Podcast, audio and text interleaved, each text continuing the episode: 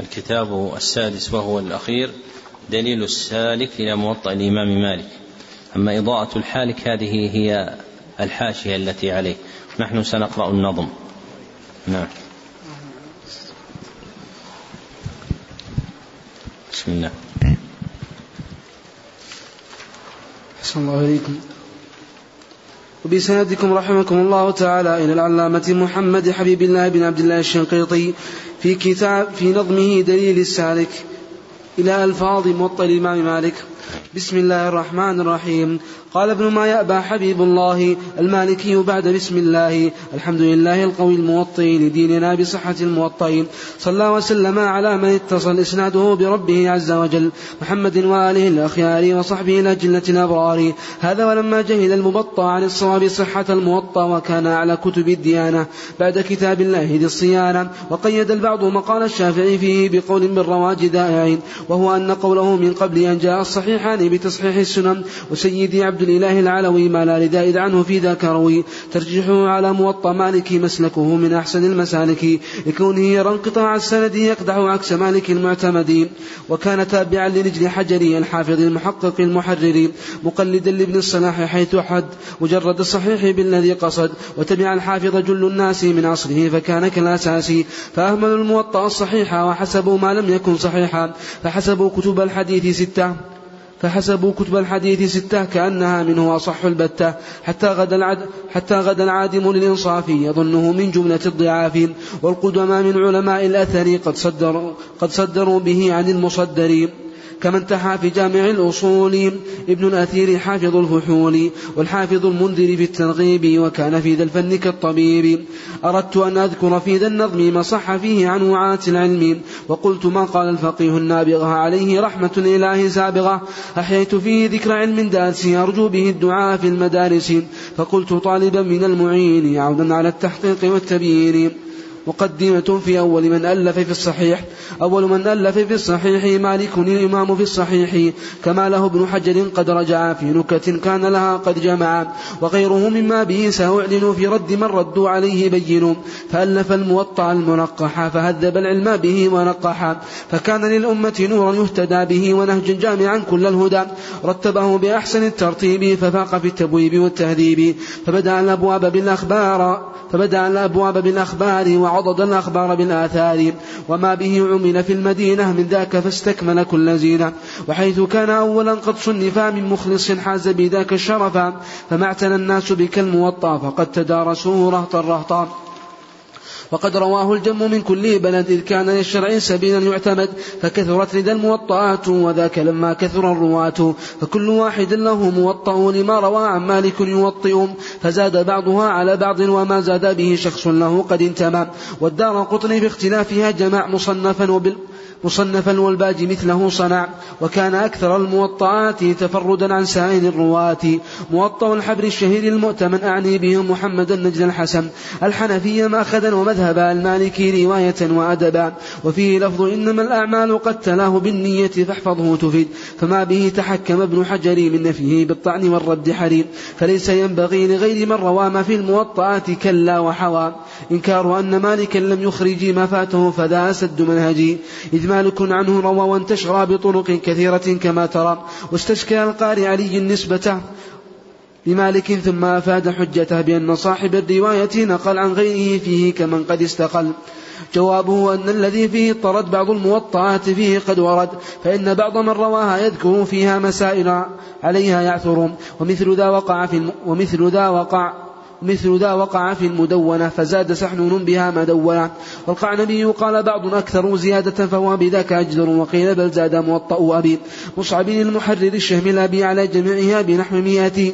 من قح أخبار مقيم السنة قيل أصحها الذي للقعنبي ونجل قاسم المحقق الأبي وأشهر الموطئات ذكرا. إذ كان بالصحة منها أحرى موطأ الإمام يحيى الليثي. من كان في العزم شبيه الليثي كما له علي القاري نصر. وغيره قيل لذاك اشتهر. وغيره قيل لذلك اشتهر وقيل بل كانت له أوهام وحررها الأجلة الأعلام. فهو الذي شرحه النقاد وانتفعت به وانتفعت بدره العباد. وبلغت شروحه نحو المياه فكلها عما حواه منبئة أعظمها التمهيد لابن عبد البر إذ كان إمام جدي سبعين جزءا حرر الأخبار فيه وقد حاز به الفخار. وغيره له كالاستذكار نهج لنهج جمع الرأي والآثار. كذاك للباجي عليه المنتقى لما والاستفاء مما ينتقى. كذاك لابن العربي المسالك على موطئ الإمام كذاك لابن العربي المسالك على موطئ الإمام مالك. وغيره وهو المسمى بالقبس على موطئ الإمام على موطئ الإمام ابن أنس. وفيه مالك روى عن نافع عن شيخه ابن عمر المدافعي. عن سيد الرسل الثمانينات عد من الأحاديث وذا خير سند. حرر هذا القدر ابن عبد البر في تمهيده وهو إمام نقته. وقيل معها ستة أيضا كما كان السيوطي به قد جزم بيان صحة موطئ مالك رحمه الله وبيان أن المتصل فيه أخرج الشيخان غالبا أو أحدهما والجميع. وكل ما إسناده فيه اتصل. كيف رواه عنه من عنه نقل. أخرجه الشيخان وفقا أو حدين فكل واحد قد انفرد. إلا ندورا كحديث الشهداء وهو صحيح باتفاق عهدا قد قال ذلك الإمام النووي إذ ليس نقصا ترك دين إذ ليس نقصا ترك دين للقوي وربما أخرجه الجميع إذ الموطى إذ الموطى ملجأ رفيع بل أخرجوا لمرسلاته ومع أشبهها مع اتصال سلما وقد تتبع ابن عبد البر مع من البلاغ فيه كان علما. وشبهه فأسند الجميع لا أربعة فما عليها حصلا. وقال بعض من عليه كتب ممن له التحقيق جزما نسبا إن قصور المتأخرين عن وجودها موصولة بلا وهم ليس بقادح فربما ترى موصولة لبعض من قد غبر. وقد رأيت بعض متقن السنن من حاز من كل من حاز من كل العلوم خير. فن عزا إلى نجل الصلاح إن وصل. أربعة أخبار فالكل اتصل فبان من ذا فبان من ذا أنه ليس أصح. منه البخاري ولا عنه رجح. كمسلم لكن دين اشتهرا لجمع ما في لجمع ما فيه وزيد لجمع ما فيه وزيد كثرا. وزيد كثرا. وزيد لجمع ما فيه لجمع ما فيه وزيد كثرا وحيث كان لفظ ما فيه اتصل بسند الإمام فيه ما حصل. إذ البخاري مثلا يرويه عن شيخ له عن مالك مبدي السنن ومسلم عن شيخه يحيى وذا عن مالك بما الموطأ بما الموطأ احتدى كان المصحح لدين عنه كان المصحح لدين عنه حلفا تعصب يخاف منه. إذ لا يصح أن يكون ذا إذ لا يصح أن يكون ذا أصح من نفسه بل ذاك عقلا انطرح. رد دليل رد دليل ابن حجر ومن وافقه على أصح على صحية صحيح البخاري أم موطئ الإمام مالك رحمه الله تعالى. فإن تقل ما جرد الصحيح بحثا فأدخل فأدخل به الترجيح. رأيا وأدخل الذي قد انقطع مع المراسل التي فيه تقع. قلت, قلت كذلك البخاري ذكر لدى التراجم كثيرا اشتهر. مع التعليق التي لا تنكر لكونها متن الصحيح تذكر. قال بذاك مغلطا الحافظ والفرق لا أصل له يلاحظ. وكم إمام ناصر لما اعتمد لأنه فيه على الحق استند كنجل مرزوق فقال يبقى ما الشافعي فيه بين ما الشافعي فيه بين فيه ما الشافعي في ما الشافعي بين فيه الحق. ونجل مرزوق له نظم ذكر بين فيه الذي أذهب ذكره الفكر وما به استشكله ابن وما فيه استشكله ابن زكري ليس بمن وما به استشكله ابن زكري ليس بمن ليس بمنتج لأهل الفكر. وهو اختيار نجل عبد البر ونجل ليون ونجل ليون ونجل ليون الهمام البدري. وما استشكله ابن زكري بكسر الزاي السلام عليكم. وما به استشكله ابن زكري ليس بمنتج لأهل الفكر. وهو اختيار نجل عبد البر ونجل ليون الهمام الب... ونجل ليون الهمام البدري والحافظ المحقق ابن العربي المالكي المالكي المالكي والسيوطي الأبي. وما به فرق نجل وما به فرق وما به فرق نجل حجري. ليس بفرق. حجري. وما به فرق نجل حجري. ليس بفرق لصحيح النظر. من كونه قال البخاري ترك إسناد مثل ذاك عمدا إذ سلك ومالك ليس كذاك بل سمع هذا بإرسال له لا يرتفع. قلت تقدم جواب ما ذكر من قولة من قولة أنثى جوابها ذكر. وهو وهو أن كل ما فيه انفصل من كل مرسل وشبهه اتصل. وبعض ما لدى البخاري أقرب الأجزاء عن تصحيحه نجل حجر. إذ كنت بعد ما له قد سلف وجدته وجدته قال مقالا انصفا إذ قال مغلطاي إذ قال مغلطاي ما قد ذكر يقبل عند من أجاد يقبل عند من أجاد نظره. إذ قال مغلطاي ما قد ذكر يقبل عند من أجاد نظره. إذ البخاري كمالك مزج وصح بالذي عن الشرط يخرج وبعض ما فيه ضعيف لا يصح. وهو رجوع واعتراف متضح. فانظروا في فانظره في نكت فانظره في نكته الإيضاح. على ابن على ابن من سمي بالصلاح. احتجاج الأئمة الثلاثة بالمرسل كالشافعي اعترض بغيره ومن, ومن ذلك ما في الموطأ منه. أما احتجاج مالك بالمرسل فليس قادحا لدى من, يبت من يبتلي. إذ هذه مسألة في الخارجي وليس فيها مالك بالخارجي. فمرسل فيها احتجاج فمرسل فيه احتجاج الأربعة به طريقة ترى متبعة. إذ الإمام الشافعي إن اعترض بعاضد به احتجاجه الطرد وقد علمت أن كله اتصل وذا هو العاضد حيثما, حيثما حصل. ثم مقال الشافعي ثم مقال الشافعي دل على قوة ما من الموطئ ثم ما قال الشافعي دل على قوة ما من الموطأ أرسل لأنه ثبت أن لأنه ثبت أن لا يستدل أن لا يستدل بمرسل إلا بعاضد نقل فحي فحيث كان ذاك شأنه ففي إطلاقه لنا دليل مصطفي إذ جهلوا بما به قد أرسل يبعد جدا عن عند من تأمل لكونه على الإمام ف... لكونه على الإمام قرأها على الدوام والجميع استق والجميع استقرأ ثم به احتج الإمام أحمد كذا أبو حنيفة المعتمد فكون مالك به يحتج فكون مالك به احتج فكون مالك به احتج اتفق معه الث... معه الثلاثة به كما سبق. وحاصل المقال في الذي سبق أن البخاري ما به له اتفق دون احتجاج وهو ليس, وهو ليس يعقل أو أنه عمدا لذاك يفعل وأن مالكا بقصد ذكره للاحتجاج ولذاك قرره. والحق أن كل واحد ذكر ذلك محتجا به إذا إذ ما استقر. عن واحد شرط به مصرح مصرح. كما به المحققون صرحوا فالقسطلاني قال ذا وقال بل كان بالاستقراء ما منه حصل. ولولا كان البخاري دونا لمذهب لنا المراد بينا. هل هو ما يحتج بدا هل هو ما هل هو ما يحتج بدا صريحا على الفروع سالكا ترجيحا. أو ليس يحتج بغير ما اتصل وصح إسنادا له حيث حصل. لكنه ما كان دون لكنه ما كان دون لكنه ما كان دون سوى. صحيح ذي الفقه فالفقه حوى وليس الاحتجاج إلا ذكر إلا ذكر ما. سيقى دليلا للفروع فاعلما وذا هو الحاصل للبخاري كمالك في المذهب المختار وكل واحد من الشيخين لا يخفى عليه شأن ما قد نقل. هل هو من متصل الإسناد وكونه أقوى في الاعتماد وأن الاحتجاج بالذي انقطع دون الذي إلى نبي ارتفع ثم التفاوت في الاحتجاج لا يخفى على ذي الفهم حيث حصل. فإن يكن وقع الاحتجاج بما يصح فله الرواج وإن يكن بما سواه رجحه مجتهد بوسعه ونقحه وكل ذا وقع للبخاري. وفي الموطأ بالاختبار ومن ومن بأيمان الطلاق قد حلف أن صح ما فيه بحن بحن بحنث لما اتصف. بذاك صرح ابن فرحون بذاك صرح ابن فرحون ابتداء. ديباجة الديباج نجم الاهتداء. وأعلنت به شروح مختصر. خليل الشهم خليل الشهمي ونعم المختصر. وبعضهم حمله على الذي من الأحاديث به. قد احتدي وما من الحنث لدى البناني قد ردده قد رده عليه ذو الإتقان. تلميذه عبد الإله العلوي مجدد العلم على مجدد العلم على ذوق مجدد العلم على ذوق قوي وهو عليه حجة فيما سبق مما به الحافظ رأيه نفق. من كونه وفق من كونه من كونه وافقه فيما زعم ونهجه رآه خير مغتنم. وها هنا نص وها هنا نصر ما يخالفه قطعا وفي المآخر وها هنا نصر ما يخالفه قطعا وفي المآخر لا يصادفه. في المآخر نعم. قطعا وفي المآخر لا يصادفه. فالحق الحق أن سائر الموطأ فالحق أن سائر الموطأ على قطعا وفي المأخذ لا يصادفه. قطعا وفي الماء. وفي المأخذ لا يصادفه. السلام عليكم. قطعا وفي المأخذ لا يصادفه. فالحق أن سائر الموطأ على الصحيح صح دون خطأ. لما علمت من تثبت الإمام ولقده الرجال في كل مقام فكان لا يخرج فكان لا يخرج إلا عن ثقة ما صح من حديثه وحققه. وكان يحبس الذي قد نسب إلى النبي قولا رآه مذهبا. ولو صحيحا إن يكن ما اشتهر بطلب العلم احتياطا ذا يراب. وبعضهم قال إذا ما صحح ما قاله له الإمام فسحا. حتى انتهى الناس عن القول بما ليس حديثا للنبي علما وذا هو السبب في انتصاره لنصرة الحق وفي اشتهاره وكان الاحتياط في التصحيح دأبا له في دأبا له ذي غاية الترجيح. والحق إن بانا فليس ينكره إلا معاند لأمر يضمره فبان أنه أصح ما يرى بعد كتاب الله من دون امتراب وذا مقال الشافعي فيما سبق وكم إمام معه في ذاك اتفق وكم إمام معه في ذات في ذاك اتفق وبعد أن جاء الصحيحان اعتمد أنهما مثل له من أنهما مثل له من يعتمد.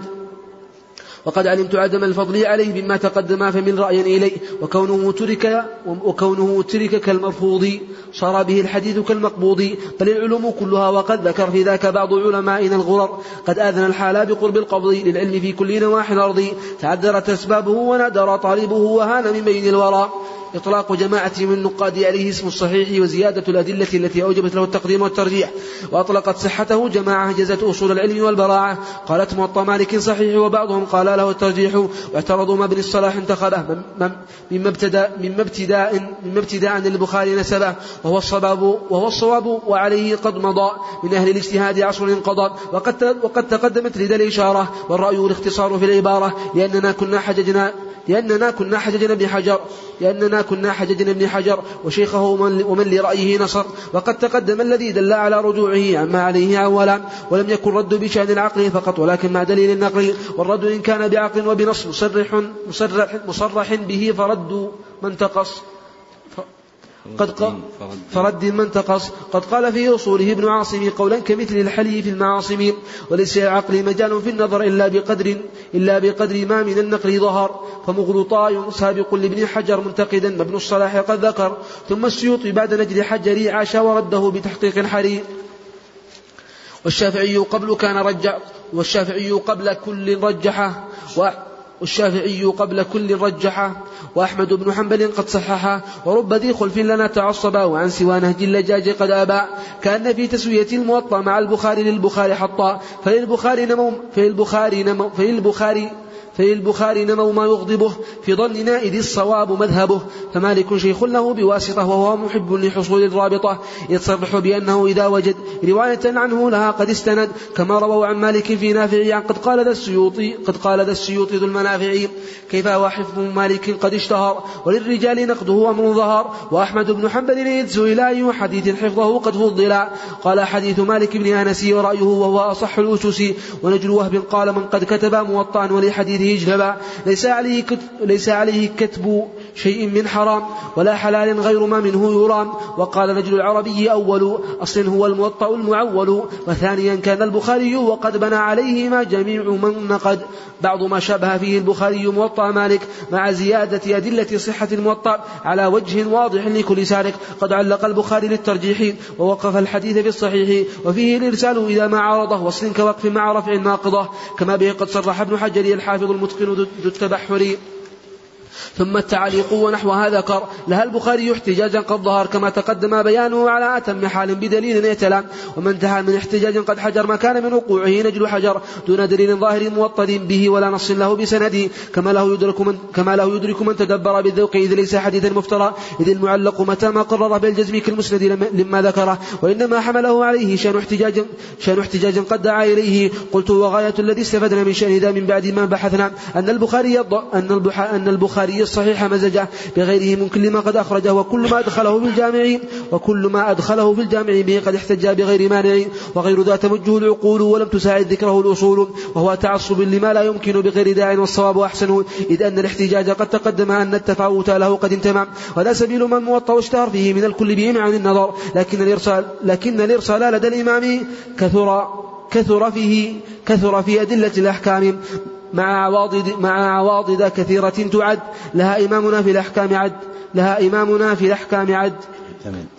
لها إمامنا في الأحكام لها إمامنا في الأحكام اعتمد. وغالب فيه وغالب فيما الإمام أرسله. أن سبيل الرفع حكما دخله. وهكذا جميع ما قد وقف وشبهه لمرسل قد اقتفى. وهو أصح الناس مرسلا كما إلى أبي داود عزه انتمى فليس في موطئ ما يقدح. قطعا ولا البخاري منه أرجح وقصد مالك بما قد صنف مقاصد الكتاب حيث ألفه وإنما يريد فيه بعض ما من الفتاوي للصحابة انتمى والتابعين والذي قد أرسله وكان فيه الانقطاع وحصلا حصل مستانسا وعاضدا لما اتصل فيه ومثله البخاري فعل ومع ذا فقد ومع ذا قد أطلقوا الصحيح عليه واختاروا له ترجيحا اذ حملوا قضى البخاري ما دخل فيه سوى ما صح كيفما حصل على مقاصد الكتاب وهي ما كان بإسناد وصل حتما دون التعليق ونحوها كما وقف كما وقف أو من أو ما للتراجم تمام كما عز السيوطي بالتدريب لابن الصلاح العالم الأريبي وصرح الحافظ في المقدمة به وهذه حجة مسلمة فما يقال ها هنا يقال فيما في موطئ ما في موطئ إمامنا يفي وغير خاف عند من قد أنصف أن البخاري له في ذا اقتفى إذ بالتتبع تراه جمع زبدته ونهجه قد تبعا قد تبع لذاك قد يصدر الأبواب بما له يرويه بابا بابا. فغالبا عن شيخه التنيسي كما, كما استفدناه من التدريس. وتارة يروي عن ابن مسلمة وابن أبي أويس أيضا وابن أبي أويس أيضا وابن أبي أويس أيضا يممه. وغير, وغير, وغير ذا ممن روى عن مالك إذ نهجه من أحسن المسالك. والبعض من الشاخن قد جعله كمسلم وبعضهم قد فضله. قلت ولكن الصحيح أنه مثل البخاري بكل قلت ولكن الصحيح أنه مثل البخاري بكل سنة والبحث بين مسلم والجعفي تركته لما به من خلف. وابن الصلاح قال إنما جرى بوفق دين مثل ما تواترا ثم الثلاثة مع التدقيق صح جميعها على التحقيق. زيادة أدلة صححه صحته وتأسيس محجته. والذهبي قال الإله وأعطى مهابة في النفس للموطى ليس يوازيها من الأشياء. شيء, شيء, شيء وقعا كامل البهاء. وقد تلقى الناس بالقبول موطعا مع صحة المنقول. وذا التلقي بالقبول يحكم منه بصحة له ويجزم وللبخاري جرى ذلك في صحيحه لدى ثقات السلف وقال بعض حيث كان حصل من دين الاشتراك فيما وصل من التثبت وصحة الخبر يشكل تفضيل البخاري الأبر إذ كونه أكثر في الحديث لا يلزم منه فضل صحة جلا. وما به أجاب بعض وما, وما به أجاب بعض سبق من رده ما فيه ذا الحق بقاء مما به رج مما به رجح أنه اشتمل على أسانيد بها قد احتفل قد حكم المحدثون أنها أصح ما يوجد فاحفظنها كمالك عن نافع عن ابن عمر. كمالك عن نافع عن ابن عمر ذا رأي أمير الفن أو هو عن أبي الزناد العلمي عن أعرج عن من لدوس ينتمي أو هو عن نجري شهاب الزهري أو هو عن نجري شهاب الزهري عن سالم شهاب الزهري.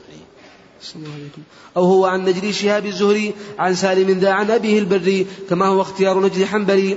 كذاك إسحاق الإمام المعتلي لآخر الذي السيوطي حرره في شرحه كذا العراق قرره. وابن عيينة الإمام قال عن مالك فأحسن المقال ليس يبلغ حديثا إلا ما كان بالقطع صحيحا. نقلا ولم يحدث عن سوى الأكابر من الثقات بعد بحث سابر. وقد عز السيوطي في التدريب لغير واحد وللخطيب أن الموطأ مقدم على كل الجوامع وعنها قد علان وفي الخطيب الحافظ البغدادي أعظم حجة على مرادي فهو في ذا الفن وحجة على سواه إذ حاز المقامات العلى إذ قيل إن كل من قد أنصف علم أن كل من قد ألف. كان على كتبه عيالا لأنه فقى بها الرجال. فالحق أنه صحيح كلا على الذي أذكر فيه نقلا متصل الإسناد فيه أعلى ما صح في ما صح في الدنيا وحاز الفضل وغيره لغيره صحيح لا حسن فذا فهو الصحيح لأنه اعتضد بالقبول من سائر الأئمة الفحول وبأحاديث عديدة وما كان اجتهادا حكمه قد علما فإن أصابت اجتهاد فإن أصابت اجتهادا حصلا. أجرين أولى فإن أصاب ذو اجتهاد حصل أجرين أولى فبأجر يأتلان والاجتهاد في الموطأ وفي متن البخاري كثيرا قد يفيد. وجه احتجاج الإمام مالك والبخاري بما عدا المتصل إلى غير ذلك من بيان عدم الفرق بين المعلق والمرسل بالاحتجاج. وجه احتجاج مالك بالمرسل كذا البخاري بالمعلق جلي. لا فرق بين دينه باحتجاج بما قد انتهج بما قد بما قد بما قد بما قد انتهج من منهاجهم. وليس فرق بين ما قد علق فيه مع المرسل فيه ما حق مع المرسل فيما حقق وليس فرق ظاهر في المعنى بينهما أيضا إليه يعنى. فإن يكن راوي بآخر السند حذف في الإرسال في هذا الطرد وإن يكن من أول الإسناد فذاك بالتعليق ذو الطراد ذو الطراد. بل ربما يكون ما قد أرسل أعلى وأكمل احتجاجا إذ على فبعضهم قوى فبعضهم قوى الذي قد أرسل على الذي أسند فيما أصلا وقال من أسند قد أحال على سواه إذ إليه مالا. وكل من أرسل قد تكفل لك بما قد قاله وحصل. بيان عدد نسخ الموطئ التي اشتهرت بالموطئات وتحديد ما اشتهر منها. وبيان أنه لم يسبق بهذه التسمية وسببها. وما من النسخ منه اشتهر وما من وما من النسخ منه اشتهر. رواية عن مالك وانتشر عشرون نسخة له وقيل بل هي ثلاثون لها الجم نقل وجمعها كما عن الأثبات بحسب الخلف عن الرواة. إلا فأصل ذا الكتاب متحد وصاحب التأليف أيضا منفرد. وهو الإمام والموطأ اخترع. سما له حيث جميعه حيث جميعه جمع. ولم يكن سبق في ذي التسمية. وهي من التمهيد ثم ثم التنقية. وقيل بل لكونه قد واطأه. جمع عليه أيما مواطأه واعترفوا بأنه صحيح وذا به يتضح ترجيحه ومالك رأى النبي في النوم. ومالك رأى النبي في النوم فقال وطئ شر شرعتي لقوم فبالإشارة سماه وأعطى. فبالإشارة سماه أعطى من أجل ذا سماه بالموطأ وكان قبل مت وكان قبل متفكرا بما يجعل في الوقت عليه علما. وحرر السيوطي وحرر السيوطي في التنوير له وكان من أولي النحت وكان من أولي التحذير. أن جميع النسخ المشتهرة عن الرواة أربع وعشرة على تخالف الرواة تارة وتارة تتحد العبارة من أجل ذا قيل الموطئات بالجميع حيث اختلف الرواة على جميعها السيوطي بنى لشرحه الكبير إذ بها اعتنى أولها وهي أولها وهي أشهر النسخ نسخة من في العلم والدين رسخ. يحيى بن يحيى الزاهد الليثي ذي الحظوة المشهورة يحيى بن يحيى الزاهد الليثي ذو الحظوة المشهورة الذكي وحيثما موطئا قد أطلق لها انصرافه لديهم لديهم حقق أولها من بعد لفظ البسملة لفظ وقوت بالصلاة مكملة. وآخر الذي بها كان وقع العاقب اسم لنبي ارتفع آخر الأسماء خمسة. آخر خمسة من الأسماء له. صلى عليه ربنا مذ كمله وقد تقدم اعتناء العلماء بشرحها فيما لنا قد فيما لنا تقدم. فنسخة ابن وهب فنسخة فنسخة ابن وهب المحقق. فنجل فنجل قاسم الإمام العتقي فنسخ فنسخ فنسخة فنسخة الحبر الإمام القعنبي فنجل يوسف المحقق الأبي. شيخ البخاري أي التنيسي فمعني, فمعني القزاز للتدريس فابن عفير واسمه سعيد ونقله عن مالك حميد فابن بكير فابن بكير وسماه يحيى من لشوارد العلوم يحيى. فنسخة الشهم المحقق أبي مصعب الزهري أحمد الأبي فمصعب الزبيري فمصعب الزبيري العلي فابن مبارك أي الصوري ثم سليمان هو ابن برد ثم سليمان هو ابن بردي فابن سعيد أي سويد المهدي فمن تمت إلى الإمام ابن الحسن محمد ذي العلم والسمت الحسن. هذا الذي حرره الجلال في تنويره بالنظم جلبه اصطفى. هذا الذي حرره الجلال في تنويره بالنظم جلبه اصطفي. وزاد من أزال كل رين عن طالب الحديث نسختين. نسخة يحيى نجري يحيى المتقني. أعني التميمية. إمام السنن ونسخة الشهمي أبي حذافة أي أحمد الموصوف باللطافة آخر, آخر, آخر أصحاب الإمام موتى بدار بغداد الضعيف النعتى لكنه فيما عدا الموطأ لكنه فيما عدا الموطأ فنقله له عديم الخطأ وبعضها عن بعضه يتفرد بما به من الحديث يقتدى. عدد رواة الموطأ عن مالك على سبيل الاختصار. فصل فصل فصل وقد عقد في المدارك بابا لمن أخذه عن مالك. ومنهم مسمى زيادة على ستين شخصا من ثقات من ثقات النبلاء. قال وهم أكثر مما ذكر قطعا ولكننا ذكرنا الأشهر. قال وما ذكرت إلا من روى عنه جميعه وكله حواب. أو من به إسنادنا له اتصل عنه فذا الذي عياض قد نقل. ونجد ناصر الدمشقي ونجل ناصر الدمشقي ألف في من روى موطأ مصنفا. سمى كتابه جواب السالك في من روى موطأ موطأ عن مالك. فبلغ فبلغوا تسع فبلغوا تسعا وسبعين على ما ساقه عنه السيوطي ذو العلا. وفيهم وفيهم ممن وفيهم ممن سماه يحيى جمع ومنه جمع ومنه ابن الإمام يحيى وابنته فاطمة الغراء ممن رواه إذ لها وابنته فاطمة الغراء ممن رواه إذ لها اعتناء مراتب رواة المطي وتفاوتهم في التثبت. أجل هؤلاء في الدراية والضبط والإتقان في الرواية. الشافعي البارع الإمام القرشي الفائق الهمام. ثم ابن مسلمة ثم ابن مسلمة وهو القعنبي وبعده ابن يوسف الشهملابي ثم عكاز ثم عكاز الإمام المعتبر معنى بن عيسى والتميمي الأبر. ثم ابن قاسم الرضا وقيل بل أثبت من رواه ذا الحبر الأجل. ثم ابن وهب الإمام ثم ابن وهب الإمام الزاهد في خطة القضاء نعم العابد قلت وذو الرواية المشتهرة له مزايا لحقت بالخيرة المعروف من عدد رواة من عدد رواة مالك إجمالا للموطأ وغيره. أما رواة مالك إجمالا فبلغت ما أعجز الرجال. قد ألف المحقق الخطيب في ذاك وهو حافظ عجيب. ولخص الجلال ذو التقدم ذو التقدم ذو التقدم منه بترتيب حروف المعجم من عدهم يبلغ من عدهم يبلغ من, من يبلغ ألفا إلا. صلى الله عليكم. من عدهم يبلغ ألفا إلا سب سبعة إذ سمى الرواة كلا وكان ممن قد تس... كل صلى الله عليكم. سبعة إذ سمى الرواة كلا وكان ممن قد تسمى يحيى. إذ, إذ بإمامنا العلوم يحيى. منهم منهم بعيد أربعين نيف كما السيوطي به معرف. وقال قد فات الخطيب عد وقال قد فات الخطيب وقال قد فات الخطيب عدد. جم وساقه بوصف يحمد. وذكر القاضي عياض أنه ألف فيهم وهو حبر السنة. وذكر وذكر القاضي عياض أنه ألف فيهم وهو حبر السنة فبلغوا وهم أعز فئة ألفا وزيد ألفا وزيدا عن ثلاثمائة. فمنهم المنصور والمهدي ثم الرشيد الملك المرضي ثم ابنه المأمون والأمين وغيرهم إذ مالك أمين. وقيل ما أدركه المأمون ونقل من فاه ونقل من فاه به مأمون. ومن شيوخه ومن شيوخه ومن أقرانه جمع كثير فاق في أزمانه كمثل يحيى بن سعيد كمثل يحيى بن سعيد وابن شهاب الزهري إمام شهاب الزهري إمام الفن وهكذا ربيعة الرأي الفطن من موته له الإمام قد حزن. ومن أولي المذاهب المتبع من المتبعة أبو حنيفة عظيم المنفعة والشيخ الله عليكم. ومن أولي المذاهب المتبعة أبو حنيفة عظيم المنفعة والشافعي ثم الأوزاعي كذاك سفيان وأي الثوري قلت وحظه الذي له وقع وناله قط سواه لو برع. جواز العمل والاعتماد على ما في الوطء من الأحاديث وغيرها ومثله بذلك الصحيحان إذا قابل الجميع المتأهل لذلك. وما الموطأ له كان قد وما الموطأ له كان جمع. أو الصحيحين وشبه قد وقع. يجوز أن يجوز أن يعمل من يجوز أن يعمل من تأهل به يجوز أن يعمل من تأهل به إذا قابله منح الصلاة وبعضهم نظم من يروى الذي أخرجه بدون شرط أخرجه بدون شرط نحتذي فقال في ذلك جانحا إلى من حافظ السيوطي الحافظ السيوطي عنه نقلا وكل ما للستة الكتب نمي من البخاري والصحيح من البخاري وصحيح مسلم والترمذي والنسائي والترمذي والنسائي وأبي داود وابن ماجه وابن ماجه المنتخب وما لدى مسند أحمد أروي كذاك كتب كذاك كتب المنذر والنووي. كذاك كتب كذاك كتب المنذر كذاك كتب المنذر والنووي. فرويه واثقا بلا شروط مضى عليه الحافظ الأسيوطي وذكر السيوطي في التدريب.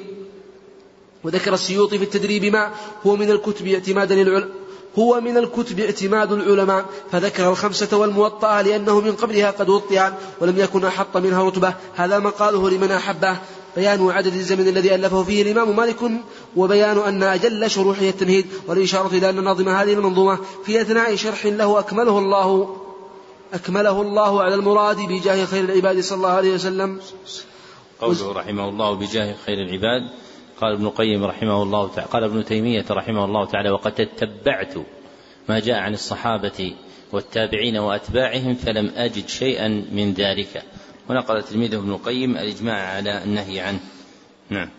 أحسن الله إليكم. والزمن الذي به قد ألف موطأ الإمام فيه اختلفا فقيل عنه أربعون عاما وقيل ستون ترى تماما وحيثما أكمله واتهم للنفس في الإخلاص ألقاه بما والقصد إنما كان له جل سلم وإن يكن لغيره فينعدم. قال حيث ابتل ما لعمل وقال حيث ابتل ما لي عمل وقال حيث ابتل ما لعمل. به فما أصابه منه بلل. كذا إذا الأنثى عليها قد وضع وقت النفاس الكرب عنها يرتفع فدل, على فدل ذلك على الإخلاص مع صحة ما بذا الموطأ جمع. وحيث حل, وحيث حل حبه بقلبي وازداد حبه بأي حبي. فكرت في شرح عليه يكفي وللغليل في العلوم يشفي ولم يكن في ذاك كالتمهيد. والوقت منه كان ذا تجريدي فرمت شرحا متقنا مختصرا جل مختصرا جل المقاصد به محررا. مختصرا. مختصرا. السلام عليكم. فرمت شرحا متقنا مختصرا جل المقاصد به محررا. وجدت ما شرح وجدت ما شرحه الزرقاني به وكان من أولي الإتقان لكنه لم يشرح التراجم وفي الرجال ليس يشفي العالم ولم أجد سواه في ذا الوقت. شرحا به أدرسه وأفتي إذا شرحته بشرح نرجو ربي تمامه فنعم المرجو. سميته فتح, سميته فتح القدير المالكي بشرح ألفاظه موطى مالكي رجوت أن يكون جامعا لما إلى الإحاطة يكون, سلم يكون سلما. من لطائف هذا الشيخ رحمه الله محمد حبيب الله ما حدثني به تلميذه محمد بن عبد محمد عبد الله بن آدة الشنقيطي الجكني إنه يقول إنه صنف ألفية في القراءات السبع. فاقت عنده قصيدة الشاطبي لأنه صرح فيها بالأسماء وعز القراءات إلى كل على وجه أوضح مما وقع للشاطبي رحمه الله تعالى فأعجبته في نفسه ثم دفعها إلى المطبعة المطبعة رجاء طباعتها فضاعت في المطبعة. فضاعت له عدة تصانيف رحمه الله ومنها ما هو شيء مبدد في بعض المكتبات الخاصة. نعم. ومن هذا الشرح يعني لا أعرف له وجودا شرحه على الموطأ. نعم. صلى الله عليكم. عدد أحاديثه المتصلة والمرسلة والموقوفة وما فيه من أقوال التابعين. وكان عشرة من الآلاف وقيل تسعة وبالتلاف قد رده عنها إلى خمسمائة وبعضهم قال إلى سبعمائة وقال في مدارك رياض من في العلوم بحره فياض قد مات عنه وهو فيه ألف ونيف وذاك الإمام وصف لأنه كان له يخلص عما فعمد الإمام المخلص والأبهري قال حوى الموطأ قدرا كثيرا ليس فيه خطأ جملته ألف وسبعمائة من بعد عشرين فستمائة فيه بإسناد ترى متصلة واثنان مع عشرين تلفا مرسلة مع مئتين والذي منه وقف منه وقف ثلاثة عشر بخاء تأتلف. وفيه من قول الذين تبعوا عدوا ثمانين بخمس تتبع ومئتان ذا الذي قد انتسب للأبهري المالكي انتخب. وقيل غير ذا. ومن كان جمع كل الروايات على الكل رفع صنيع مالك في موطئه وشبهه من مصنفاته رحمه الله تعالى. ومالك عادته المقررة في موطئه وما قد حرره أن يسند الحكم إلى الكتاب أو لحديث الصديق الأوابي أو يسند الحكم إلى الإجماع والصحابة أو الإتباع كان يقول ذا عليه عمل بلدنا الطاهرين نعم العمل. بالتراجم لفقه الباب يشير توضيحا لكل باب وتلك عادة المحدثين في مصنفاتهم بنهج نصطفي لذاك قيل جل فقه الجعفي لدى التراجم ابتداء نلفي تقديمه أعمال الصحابة رضي الله عنهم والتابعين من أهل المدينة على مجرد الحديث إذا كان بطريق الأحاد. والعمل الذي الذي ارتفع من الصحابة ومن, ومن قد تبعا فهو أثبت فهو أثبت لديه مما كان إلى الآحاد نقلا ولما إذ ليس يتهم إذ ليس يتهم إذ ليس يتهم أصحاب إذ ليس يتهم أصحاب النبي بتركهم حديث أفضل نبي. كيف هم أرباب ذلك ولا يظنهم بالترك إلا ذو قيل. وقال ذا العمل مع مع ذا الحد. خير من الحديث نجل مهدي. والنخعي قال الصحابة إذا توضوا للكوع فرضا يحتذى. مع قراءتي المرافق تبعتهم ولست بالمنافقين. بل, بل لاتباعهم ما هو الأصح وما به النسخ. بل, لاتباعهم لما هو الأصح وما به النسخ وما به النسخ أخيرا اتضح وما به النسخ أخيرا اتضح. وشيخنا قنون قال قال ينقض. حكم الذي خالفه ويرفض ضب القضاء من خليل ذكر. فيه الذي ذكرته محررا. مبهماته وقد قدمنا مب وقد قدمنا مبهمات رجاله وقد قدمنا مبهمات رجاله على نسائه. فائدة فائدة فائدة ذكر في الإسعاف جامعه السيوطي ذو الإنصاف. بعض الذي يبهم من رجاله بعض عرفه بحاله زيد بن أسلم روى عن رجل ومن بني ضمة أصله جليل قال ابن حذان ولم أقف على سماه ولكن ربما تحصل. وهكذا نجل جبير عن رجل يرضى ولكن لم يعين ذا الرجل. قال وهذا الأسود المرضي. نجل يزيد النخعي الكوفي وابن أبي حثمة سهل أخبره. فيه رجال كبراء وخيرة وصالح عمن مع النبي قد وصالح عمن وصالح عمن مع النبي قد صلى صلاة الخوف فيه قد ورد. وذاك سهل وذاك سهل بن وذاك سهل بن أبي وذاك سهل بن أبي حثمة قد بحى السيوطي به بدون رد وابن تميم قد روى عن عمه أخي أبيه دنية لامه دنية لأمهم وذاك عبد الله نجل زيد من نال من نال بالحديث خير زيد. وعروة النجل الزبير أنها صاحب صاحب صاحب هدي من أزال الشحناء صلى عليه الله طول الأبد وآله ومن بهديه هدي. قد قال قد قال هذا الهدي كيف أصنع به إذا عط به إذا عطب يا مشفع. وصاحب الهدي الشريف ناجية الأسلمي ذو الصفات الأسلمي ذو الصفات السامية. وابن يسار قد روى عن, عن رجل من أسلم وباسمه لم ينجلي. ثم عطاء ثم عطاء الخراس ثم عطاء الخراساني روى عن شيخ الكوفة عن شيخ الكوفة عن شيخ الكوفة فيه قد ثوى قال السيوط شيخ الكوفة فيها قد ثوى صلى الله عليكم. عن شيخه الكوفة عن شيخه الكوفة شيخ الكوفة فيها قد ثوى صلى الله عليكم. عن شيخ الكوفة فيها قد ثوى قال السيوطي وهذا كعب أي ابن عجرة الهمام الندب ونجل سيرين روى عن رجل عن ابن عباس وذا عن رجل أيضا ولم يذكر سم أيضا ولم يذكر سم ذاك ولا هذا وذا عن النبي نقلا. وهكذا الزهري أيضا عن رجل من آل خالد سماه لم يقل وهو أمية بن عبد الله لدى السيوطي الحافظ لدى السيوطي الحافظ الأواهي ونافع عن رجل ينمى إلى أنصار خير من به لنا الأولى. من الإله عن سعد بن معاذ أن جارية كانت في كعب وهي أيضا راية ثم أبو بكر روى عن بعض أصحاب من جاء بدين محض صلى عليه ربنا وسلم. ما أوضح المبهم ما له انتمى ومالك بن أنس عن الثقة لديه عن نجل عن نجل عن نجل بكير الثقة. قد قيل إنه المسمى مخرمة. نجل بكير من تحل المكرمة. ومالك أيضا عن الثقة ومالك أيضا عن الثقة عن عمرو وذا فيهم عمرو وذا فيهم خلافهم قمم. فقيل ذا نجل لهيعة الأبر وقيل نجل عامل وقيل نجل عامل القاري الأغر وأشبه الأغر وأشبه الخلف وأشبه الخلف الذي تحصل فيه الذي من دين جاء أولا. وقيل أيضا ابن وهب كبر شهاب الزهري بذاك يعني وإن يك الثقة عن نجل وإن يك, وإن يك الثقة عن نجل عمر فنافع كما أفاد ابن حجر. قال كما موطأ ابن كما موطأ ابن قاسم يلفى به عن يلفى به ذاك يلفى به ذلك غير طاسم. ثم إسماعيل عن مولاه نسب لعمر نول لعمر نول نجل عمر المقترب. لعمر نول نجل عمر المقترب. مبهمات النساء. ثم ابن محسن روى عن عمه له ولم يسمي تلك العمة. ثم ابن محسن روى عن عمه له ولم يسمي تلك العمة. وقال في التقريب ذي أسمى وذاك ذات المزايا لجمة الغراء. وابن, وابن أبي علقمة الشهم تفل وابن أبي علقمة الشهمون قل عن أمه ما هنا عنها انتقل وهذه يدعونها مرجانها ابن معاذ صاحب الديانة. عن جده له وذي حواء عنها عنها روى فعمه فعمه البهاء. ثم ابن إبراهيم عن أمه ولد لابن, لابن أبي عوف لابن لابن ابن عوف الشهيد لابن لابن ابن عوف الشهيد المعتمد.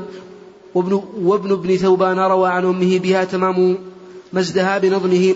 تقييد المدون نقف عند هذا القدر ونستكمل إن شاء الله تعالى بقيته غدا بإذن الله تعالى. الحمد لله رب العالمين وصلى الله وسلم على عبده ورسوله محمد وآله وصحبه أجمعين.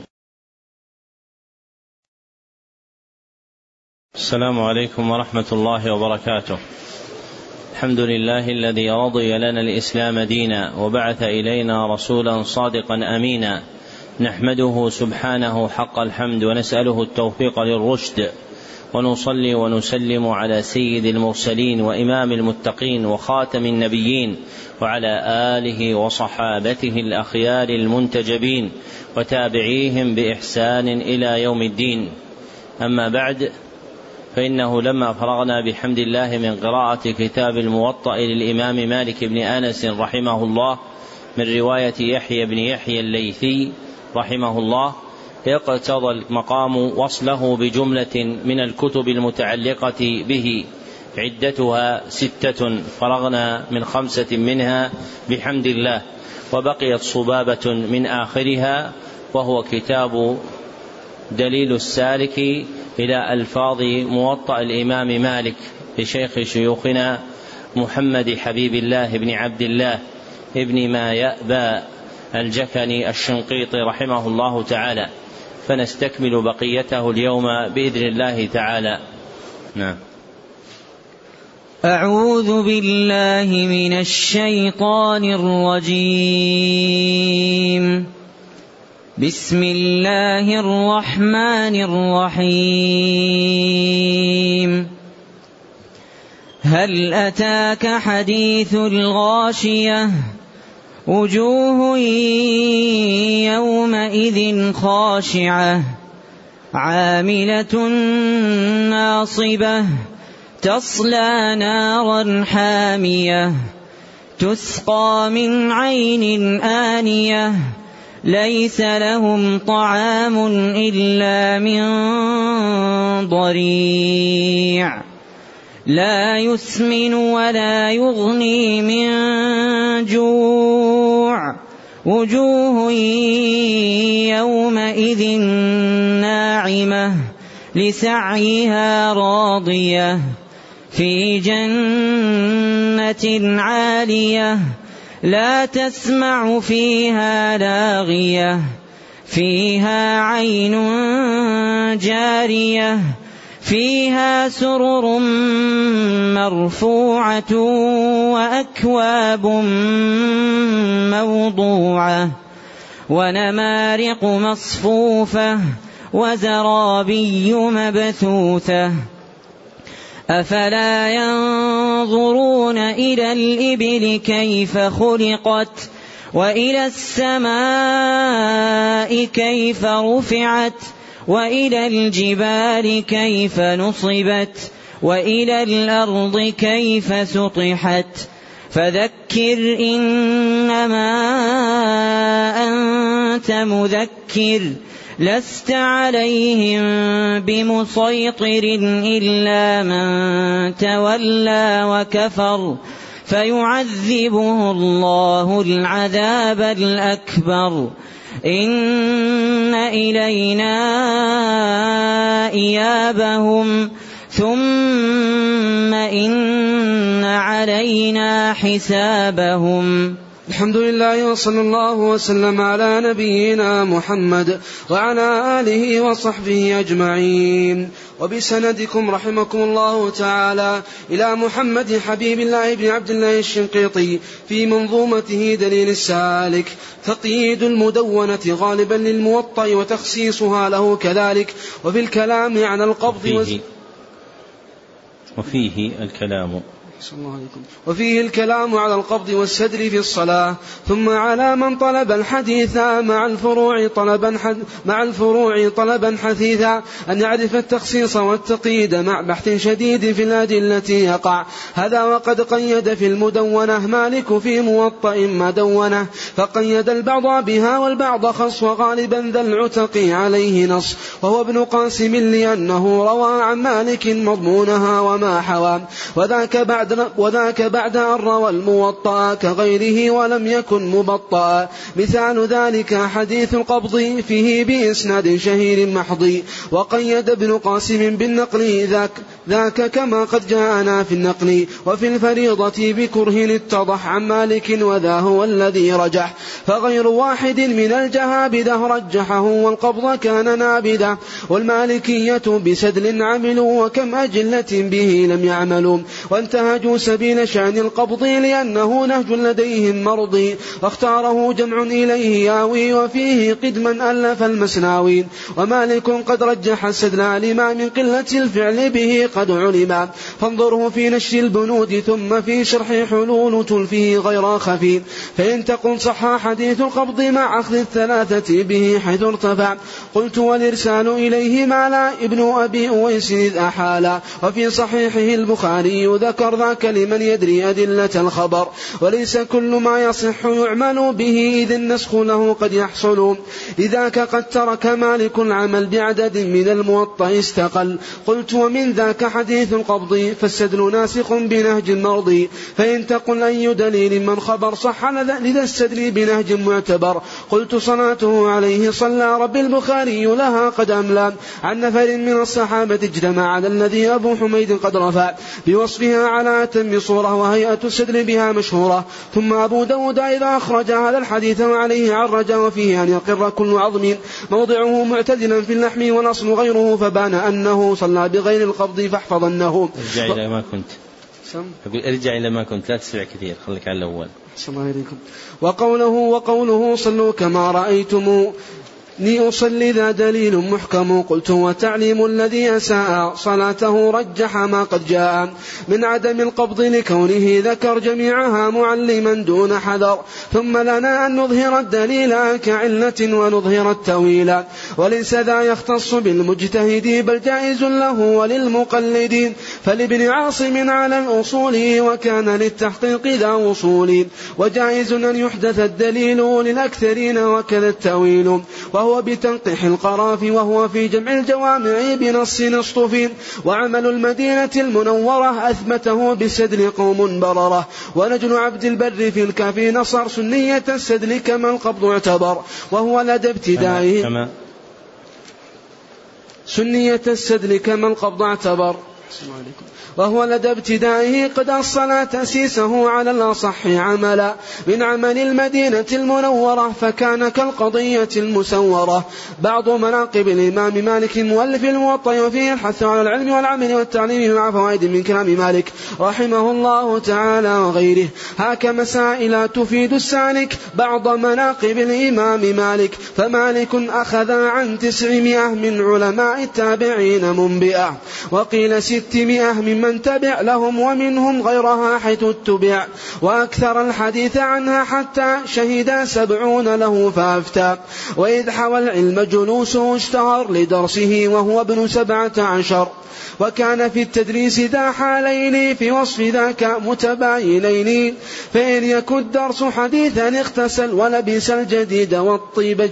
والطيب جعل وقام بالوقار والخشوع إلى الحديث كامل الخضوع معظما حديث خير الرسل فنال من ذاك مقامه العليم وحاز من تعظيمه أن وصل إلى مقام حار فيه العقلاء إذ لدغته عقرب مرارا وكان يصفر لها اصفرارا ويلتوي من أجل لدغها ولم يقطع أحاديث النبي لذا الألم فهكذا قد كان أهل الصدق في الامتثال واتباع الحق وإن يكن فقها فكيف وإن يكن فقها فكيفما وجد يجلس والحق بكل يعتمد وكان خائفا من الجبار ملازم الفكر والاعتبار وقال من أحب أن يجيب عن كل سؤال حيثما السؤال عنه فليعرض النفس على الجحيم وجنة الفردوس والنعيم ثم يجيب كل من قد سأله حيث لا فلا يجيب مسألة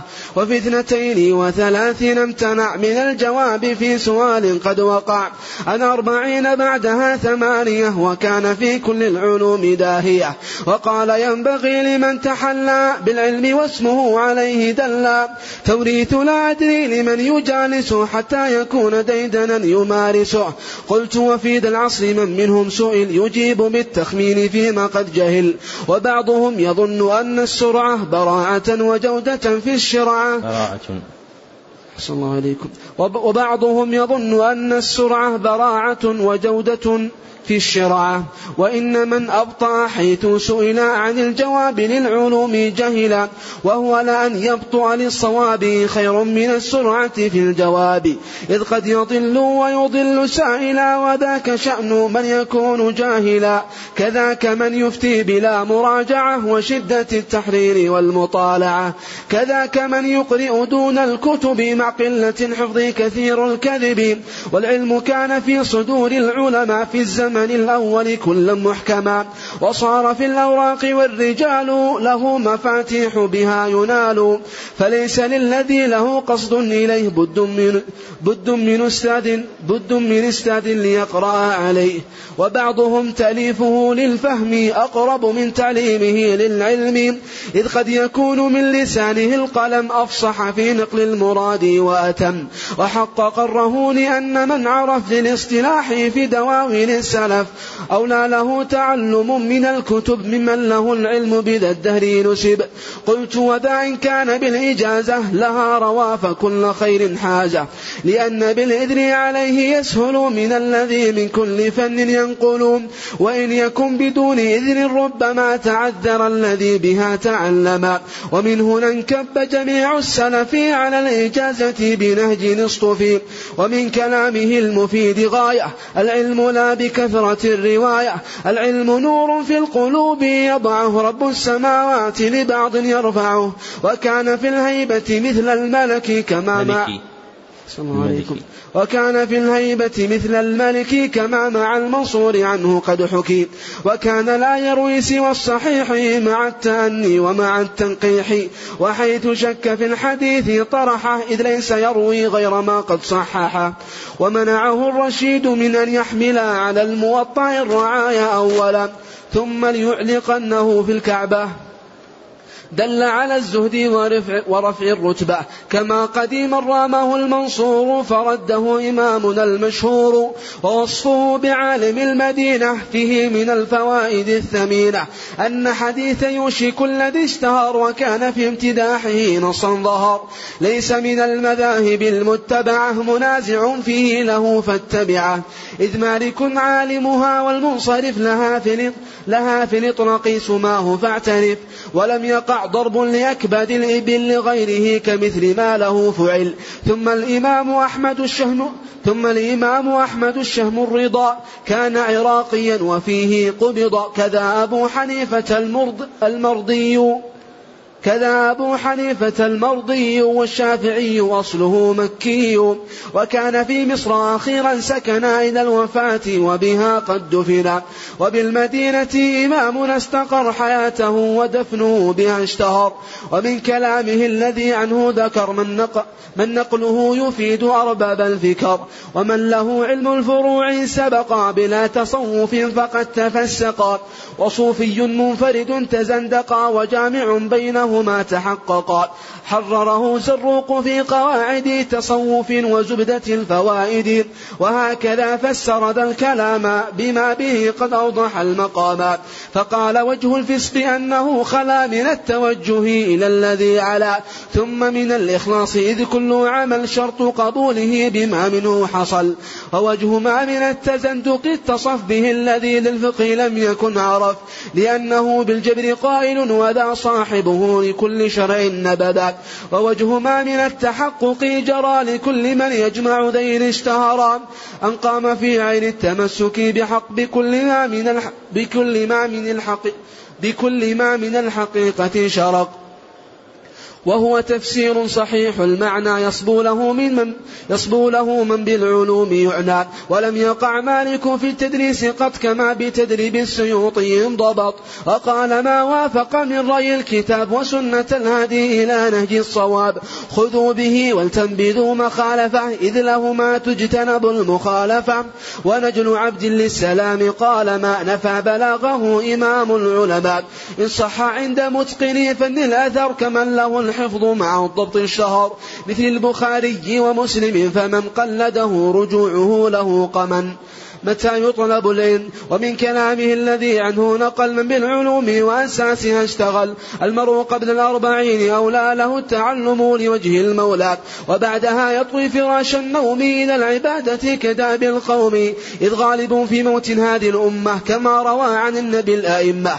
ما بين ستين وسبعين سنة وقد يجي بغير هذه الأزمنة. وليس عنه من محيد لأحد كما به الذكر الحكيم قد ورد. نقله في المدخل ابن الحاج عن مالك الحبر الإمام المؤتمن وقال بعض من إلى العلم جنح ورجح الذي به العلم رجح. العمر كله أوان للطلب وبعد سبعين ابن الزي وبعد سبعين ابن وبعد سبعين ابن زياد طلب. أهمية حفظ زياد طلب. زياد؟ ولا الوزن عشان الوزن نعم. تمام. صلى الله عليكم. نعم. أهمية حفظ المتون. قلت وحفظه المتون يطلب وهو لتحصيل العلوم أقرب. إذ لا يعد العلم في القماطر علما كما نحاه قول الشاعر.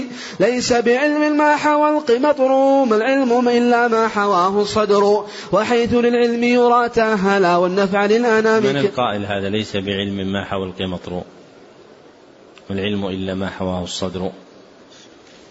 هذا القائل الخليل بن أحمد الفراهيدي. أنشده الخليل بن أحمد الفراهيدي, الفراهيدي. والقماطر وعاء توضع فيه الكتب تصان فيه. أشبه شيء بالحقيبة اليوم. وكان أبو عمر المقدسي من علماء الحنابلة وصلحائهم يقول الناس يقولون العلم ما كان في الصدر وأنا أقول العلم ما دخل معك القبر. انتهى كلامه. يعني أن العلم الأعظم نفعا هو ما دخل معك قبرك فانتفعت به. نعم. صلى الله عليكم. إذ لا يعد العلم في القماطر علما كما نحاه قول الشاعر.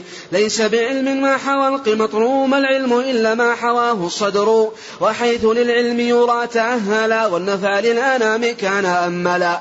فإنه قبل ثمانين سنة أولى له التعليم حيث أحسن. وكون ذلك وكون ذلك بتصنيف النصر سبيله السبكي وهو المعتبر. والنووي قال بذاك يطلع على حقائق العلوم المطلع ثم على الدقائق المستورة لأنه تلجئه الضرورة لكثرة التفتيش والمطالعة والبحث والتحقيق والمراجعة ثم على غوامض الإشكال والضعف والصحة للأقوال. قال الربيع ما رأيت الشافعي لأجل الاهتمام بالبدائع من التآليف ينام لا ولا يأكل في طول النهار مسجلا وليس يشترط في المصنف ولا المدرس اجتهاد نقطف بل إنما ذلك في القضاء شط لمن يقضي وفي الإفتاء. ذكره الجلال من تأيد بالذوق في الرد على من أخلدا من بعدها يكثر للأذكار مع التلاوة والاستغفار. هذا الذي يروى عن الحذاق وقال في الألفية العراقي وينبغي الإمساك إذ يخشى الهرم وبالثمانين ابن خلاد جزم. قلت ولا بد قلت ولا بد من أن يشد بيده من كل من كل نفل وردا مثل الرواتب وأحزاب تعد. ثلاثة لليوم مع ذكر يحد من البلوغ للثمانين ولكن بعد ولكن بعد الأربعين جد تكملا. هذا محصل كلام من مضى وهو الذي الصدر له الآن أضاء وقصة الغاسلة الشهيرة دلت على فطنته المنيرة. قيل لأجل هذه القرينة قيل لأجل هذه القرينة لم يفت معه وهو في المدينة فكان لم ذاك يفت لم يفت معه. عليكم. قيل لأجل هذه القرينة لم يفت معه وهو في المدينة فكان ذاك سعيرا كالمثل لأن مالكا قليل قليل المث لأن مالكا قليل المثل. أسأل ربي أن يعيد مذهبه بحاله في الشرق حيث هذبه ويجعل النظم الذي قد صدر مني عليه باعثا كل الورى. وأن يكون لي لا علي وأن يكون لي لا علي وعند ربي عملا مرضيا سنة وفاة الإمام مالك ثم الإمام مالك قد انقطع بالموت عن ذي الدار في عام قطع. وهو ابن سبع وثمانين سنة وعمره العلم به قد دونه. بيان أخذ الأئمة الثلاثة عن الإمام مالك إما مشافاة أو بواسطة كالإمام أحمد عن الشافعي عن مالك رحمه الله تعالى. ومالك عنه الثلاثة رووا وبعلومه تحلوا وارتووا. فالشافعي لازمه طويلا ولم يجد عن نهجه سبيلا. حتى أجازه وقال حان أن تفتي في قصة في قصة حتى أجازه وقال حان أن تفتي, تفتي في قصة أمرها حسن. والشافعي أخذ عنه أحمد ما في الموطأ بوصف يحمد. وقال من عدد بضعة عشر بضعة عشر من صحب مالك سمعت ذي الدرر. ثم أعدته على الإمام الشافعي القدوة الهمام, الهمام لأنني وجدته أقوم من عن مالك روى جميع روى جميع ذي السنن لذاك قيل الشافعي أثبت من روى عن الإمام وهو مؤتمم. وأحمد أثبت وأحمد أثبت من عن ذا أخذ. وذا أصح سند وأحمد أثبت من عن ذا أخذ وذا أصح سند إذ يتخذ. قال العلائي وذا أصح ما يوجد في الدنيا صحيحا محكما. يعني رواية الإمام مالك إذا رواها عنه الشافعي ثم رواها عن الشافعي أحمد. وهذه في المسند الأحمدي وهي بضع عشرة حديثا. رواها الإمام أحمد عن الشافعي عن مالك رحمه الله. ومن اللطائف والظرائف أن من المروي بهذا الإسناد عند الخطيب وأمر وأبي عمرو بن الصلاح في جزء له والخطيب وابن الجوزي في تعظيم الفتيا أن الإمام أحمد حدث عن الشافعي عن مالك عن ابن عجلان أنه قال إذا ترك الرجل لا أدري أصيبت مقاتله. فمن العجيب وقوع هذا الأثر مسلسلا برواية ثلاثة من الأئمة الأربعة تعظيما لمقام الفتيا وأن جنابها خطير وأن الإنسان ينبغي أن يلزم لا أدري لأنه إذا تركها تجرأ على العلم فوقع فيما لا يدري فأفتى به فأفتى به فضل وأضل. نعم. الله عليكم. قال العلائي وذا صح ما يوجد في الدنيا صحيحا محكما. ثم أبو حنيفة الإمام والتابعي الحاذق القوام. عنه روى والدار قطني ألفا في ذاك تأليفا عليه اعتكفا. وبعض من قلده قد أنكر ذاك وقال ذا كلام مفترى. دون دليل والنصوص حجة على الذي قد خالف المحجة. وليس نقصا للإمام الأعظم ما قد روى عن مالك المعظم فقد روى شيوخه كالزهري عنه وجمع كالنجوم الزهري من قارب البحر رأى منه البلل ولو قليلا إن بقربه نزل. ولا علينا أن روى مذاكرة عنه ولو بصفة المناظرة وذكر السيوط في التزيين عنه حديثين على التعيين أحد دين عنه نقله جرى عن نافع وذا عن ابن عمر. وقال قال الحن وقال قال الحنفية أجل من قد روى عن مالك الحبر الأجل هو إمامنا أبو حنيفة وهذه المقالة اللطيفة. يؤخذ منها أنه عنه نقل عدد جملة ولو عنه استقل. رواية مالك عن أبي حنيفة. وقيل إن مالكا عنه روى ففي الرواية إذا معه استوى. وقد روى بعض من الأصحاب عن تابعي دون ما استغراب. فائدة تناسب المقام. رأيت أن ألحقها إتماما. وهي شبه الأنجم المتبعة للخلفاء الراشدين الأربعة. بذاك قد رويت نظما رائقا نظمه بعض زمانا سابقا. والنظم إن كنت له لتدري هو الذي من بعد هذا الشطر فمالك على طريقة عمر والشافعي على أبي بكر الأبر. كذا على عثمان نجل حنبلي ثم أبو حنيفة على علي. لكن إمامنا الفروع قد حوى مع الحديث والقياس فقوى. والشافعي للوصول جمع والحنبلي للحديث قد وعى. والحنفي للقياس ذهب واختاره من العلوم مذهبا. قلت ومعناه التقارب فلا يقلد المطلق شخصا مسجلا لأنه يستنبط لأنه يستنبط الأحكام بوسعه حيث غدا إماما. ذكر اتصال أسانيد بالموطأ إلى مؤلفه الإمام مالك رحمه الله تعالى وحيث كان عادة للقدماء ذكر الأسانيد وشرعا حتما وصرحوا بأن ذكر السند من زينة المحدث المؤيد وهو سلاحه ونهجه القويم وعلمه بدونه لا يستقيم. فذي أسانيد إلى الإمام مالك المحقق الهمام. فقد رويت كتب الموطأ بسند عال عديم الخطأ. إسناد الموطأ برواية يحيى التي من طريق شيخنا السيد محمد بن سيد جعفر الكتاني. فقد رويته عن الكتاني العالم المحقق الرباني عن بذاك سيدي محمد بن الشريف جعفر أعني بذاك سيدي محمد بن الشريف جعفر حبل الهدى وهو عن والده وهو عن والده المذكور أي سيدي جعفر المشهور. العالم النحريري قطب فاسي قطب فاسي من كان في الحديث كالنبراسي وعن أبي العباس من تحلى سماه بعد أحمد بكلا. عن شيخه المحقق الوليد ذي المجد نجل العرب الفريد. عن ابن كيران الشهيد الطيب الشهيد الطيب. العالم المحقق المحبب وهو وهو وهو عن محمد البناني من جد في حاشية الزرق وهو عن وهو عن محمد وهو, وهو عن محمد البناني من جد في حاشية الزرقاني.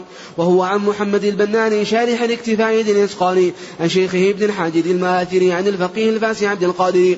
وهو, وهو عن عم أبيه العارف بالله ذي التحقيق والمعارف. وهو عن محدث الأمصار محمد الشهيد بن القصاري عن سيدي رضوان دون ميني وهو را وهو روى عن شيخه سقيني. وهو عن محمد بن غازي وهو وهو عن السراج ذي العزاز السراجي صلى الله عليكم وهو وهو عن السراج ذي السراج السراج. وهو عن السراج ذي الإعزاز وهو عن محمد أبيه عن جده يحيى الذكي النبيه عن المعمر أبي عبد الإله محمد نجل محمد سمع. وذا روى عن شيخه أبي الحسن القرطبي علي علي ذي السمت الحسن. وذا روى عن شيخه أبي عمر هو ابن حوط الله متقن الأثر وذا روى عن شيخ نجل وذا روى عن شيخه نجل باقي من كان في نهج العلوم يرتقي وهو روى عن شيخه محمد هو ابن عبد الحق ذي التعبد. عن شيخه محمد بن فرج عن يونس من الحديث يلتجي عن شيخه يحيى أبي عيسى علي القرطبي الشميل همام المعتري. وهو عن عم أبيه الذاقي عن عبيد الله ذا الحقائق. وهو عن وهو عن يحيى أبيه وهو عن مالك الإمام متقن السنن. ومن رواية الإمام المؤتمن الحنفي محمد النجل حسن أرويه كله عن الرباني محمد بن جعفر الكتاني إلى الإمام مالك بسنده. وهم رجال بهداه مقتده. إسناد الموطئ برواية يحيى الذي من طريق شيخنا يوسف النبهاني. ولي به أيضا طريق رايقة من جهة الليث يحيى السابقة. فقد رويته عن النبهاني إجازة وكان ذا إتقان. الناسك العارف حبل الأمة من حاز أعلى رتبة وهمة. الذائق الخنديد الشيخ حسن لكونه مدح الرسول المؤتمن صلى عليه الله وهو قد رواه. عن شيخه السقى وعلمه سقاه. عن شيخه محمد الأمير يعني الأمير الأكبر الشهير. وذا عن المحقق الأمين علي المدعو علي المدعو نور الدين. من جده يعرف بالسقاط من كان بالعلوم ذا عن شارح الموطأ الزرقاني محمد العمدة ذي العرفاني عن شيخه والده السباقي للخير من من يدعى بعبد الباقي عن شيخه علي الأجهوري العالم الفهامة المشهور عن شيخه المحقق السني محمد بن أحمد الرملي عن شيخ الإسلام صفي الباري أعني به زكريا الأنصاري عن شيخه الحافظ نجري حجري عن شيخه محمد الحبد السليم ابن علي بن عقيل البالسي العالم المحقق الممارسي عن شيخه محمد النجلي علي وهو عن محمد الشهملائي ابن محمد الدين ابن محمد الدناصي العزيز وذا روى عن شيخه عبد العزيز عن جده ابن طاهر عن جده ابن الطاهر العلامة وهو إسماعيل ذو الشهامة عن شيخه محمد الطرطوشي عن شيخ المشايخ سليمان السنن عن به ابن خلف الباجي وذا عن يونس كل الموطأ أخذا. وذا رواه عن أبي عيسى الأبر يحيى بن يحيى بثلاثة تقر وهو عن عم أبيه المهتدي هو عبيد الله حبر السند عن شيخه والده الذكي.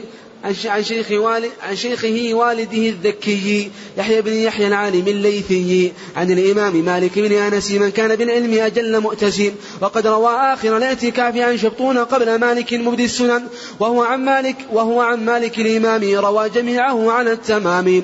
تنبيه وجيه. وغير ماهر عليه يلتبس يحيى بن يحيى بالتميم المحترس. شيخ البخاري ومسلم وذا روى له الستة نعم المحتلات وذاك لم يروي له منهما أحد وفي الموطأ أجل معتمد ووجه ذاك أن كل من ووجه ذاك أن كل منهما يحيى بن يحيى فتشابه السماء.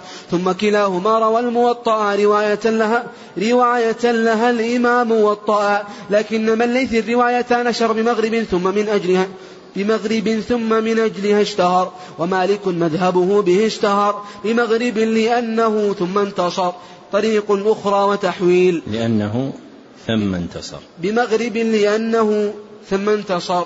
صلى الله عليكم. طريقة أخرى وتحويل. ثم رويته إجازة بما من ثبت الأمير كان علما.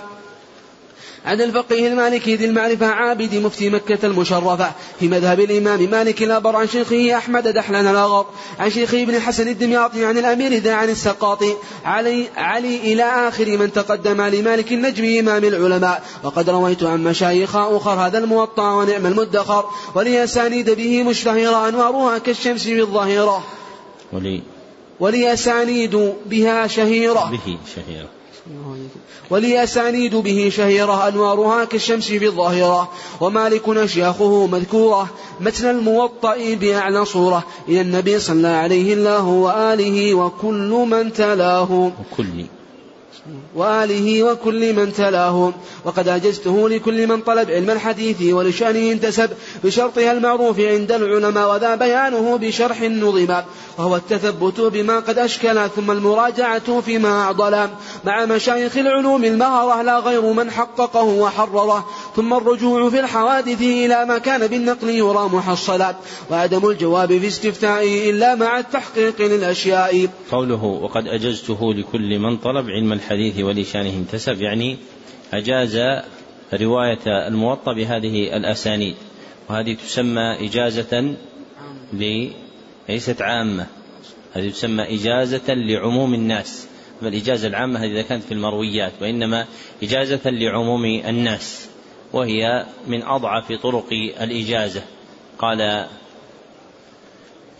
ناظم النخبة الشمني ولا تجز إجازة الم... ولا تجز إجازة العموم ولا لمجهول ولا لمعدو ولا لمجهول ولا معدوم. فأضعف أنواع الإجازة إجازة العموم. وهذا الرجل قد توفي سنة ثلاث وستين بعد الثلاثمائة والألف فقل من يكون أدركه اليوم.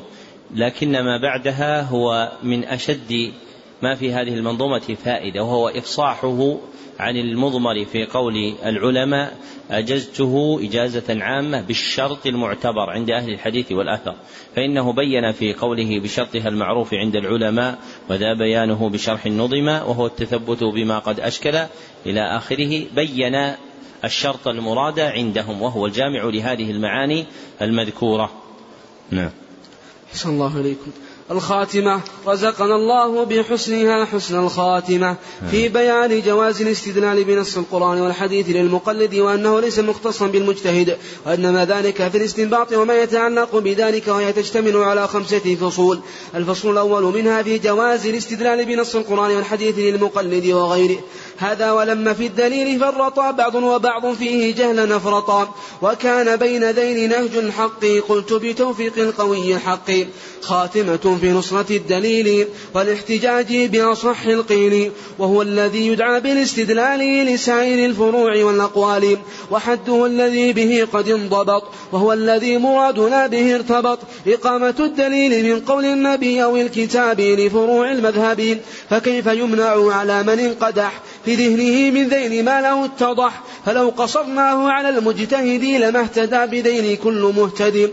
ولانتفى قول النبي معمما صلى عليه ربنا وسلم. عليكم بسنتي أو قصرا ذاك على أولي ذاك على الاجتهاد في الورى كيف ولا يجوز بعد الحاجة؟ تأخيره البيان أي حاجة؟ ولا انتفى الهدى من القرآن أو خص بالبعض من الإنسان. كلا لقد جاء لنا كلا كلا لقد جاء لنا كلا هدى ومن يرده في سواه ما اهتدى وهكذا حديث خير الرسل صلى عليه الله صلى عليه الله أقوى السبل. وإنما التحجير في استنباط. من كان قاصرا للاحتياط لقوله صلى عليه الله من قال في القرآن ذا مبناه. وكل علم من سواه ما رجع إليهما كما لمالك وقع فعلم تفسير الكتاب والخبر أجل علم عند أرباب النظر وليس يرجع إلى الله سوى ذين من العلوم عند من روى.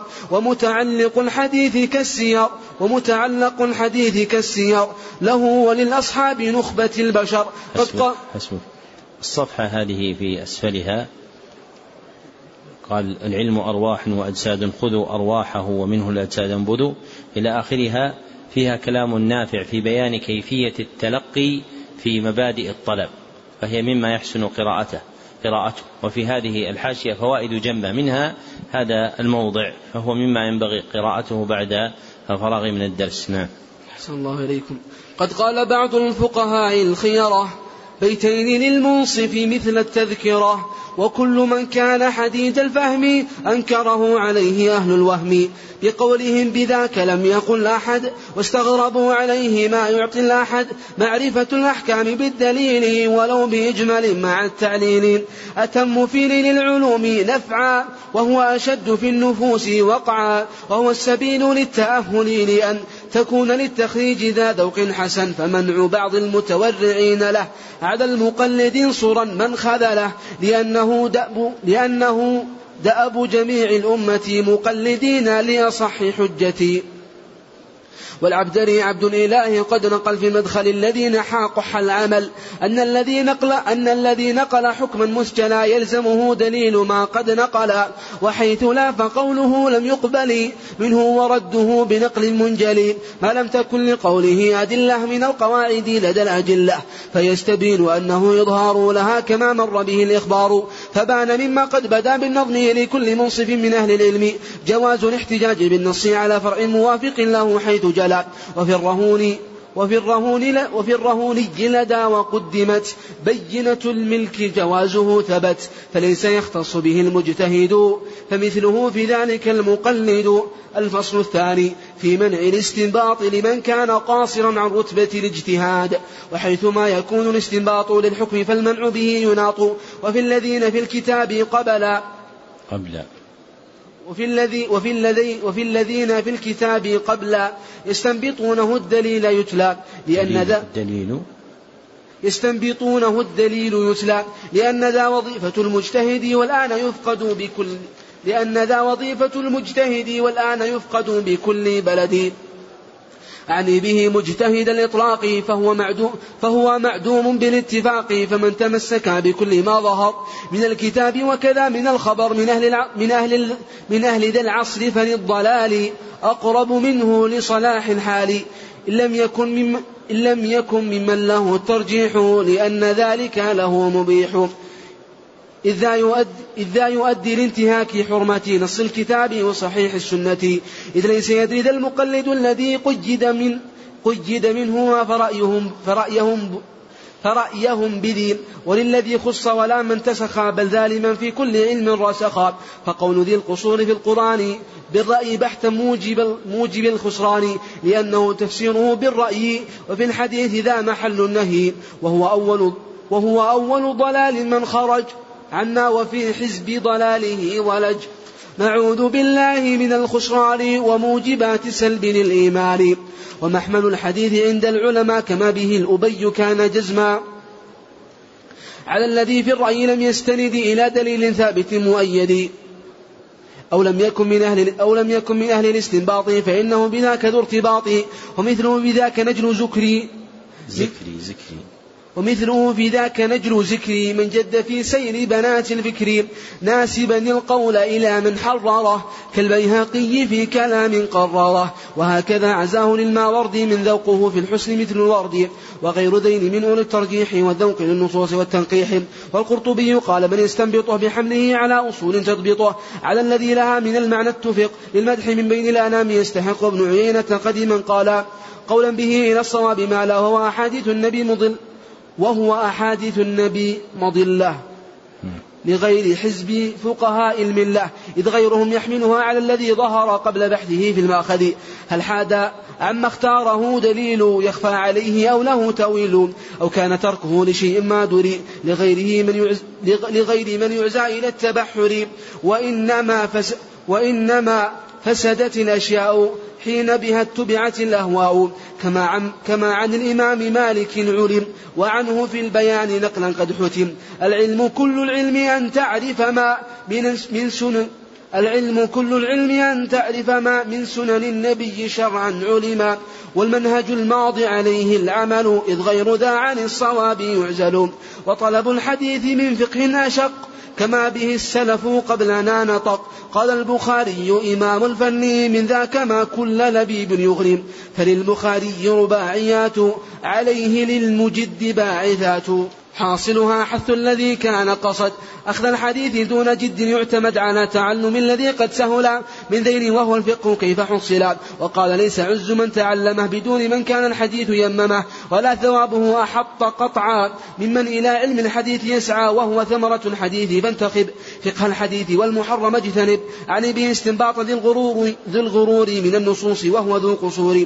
أي أخذه منها بدون سبق مجتهد للفقه منها مبقي. فإن يكن سبقه فإن يكن سبقه إليها مجتهد فليعتمد عليها. في أول إنشاد تلك القصة تزيل عن ذوي الضلال الغصة. الفصل الثالث في حد الاجتهاد وذكر أنواعه الثلاثة.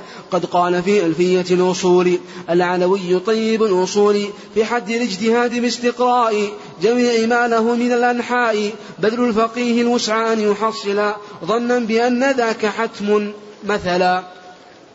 وذاك مع مجتهد رديف وما له يحقق التكليف وهو شديد الفهم طبعا واختلف في من بإمكان القياس قد عرف قد عرف التكليف بالدليل العقل قبل صارف النقول والنحو والميزان واللغة مع علم الأصول وبلاغة جمع وموضع الأحكام دون شرط حفظ المتون عند أهل الضبط ذو رتبة وسطى بكل ما غبر وعلم الإجماعات مما يعتبر كشرط الآحاد وما تواتر وما صحيحا أو ضعيفا قد جرى وما عليه أو به النسخ وقع وسبب النزول شرط متبع كحالة الرواة والأصحاب مقلدا فيها على الصواب وليس الاجتهاد ممن قد جهل علم الفروع والكلام ينحضل كالعبد والأنثى كذا كذا لا تجب عدالة على الذي ينتخب. هذا هو المطلق والمقيد منسفل الرتبة عنه يوجد. ملتزم أصول ذاك المنطلق. ملتزم أصول ذاك المطلق فليس يعدها على المحقق مجتهد المذهب من أصوله منصوص. المحقق. ملتزم أصول ملتزم أصول ذاك المطلق. فليس يعدوها على المحقق. مجتهد المذهب من أصوله مجتهد المذهب من أصوله منصوصة أم لا حوى معقوله. وشرطه التخريج للأحكام على نصوص ذلك الإمام. مجتهد الفتي الذي يرجح. قولا على قول وذاك أرجح وقال فيها وهو قول ربما إليه طلع مال بعض العلماء. يجوز الاجتهاد في فن فقط أو في قضية وبعض من قد ربط أو في قضية وبعض قد ربط. وقال فيها معلنا مقتصرا على الصواب وله محررا. ثم التزام مذهب قد ذكر صحة فرضه على من قصر.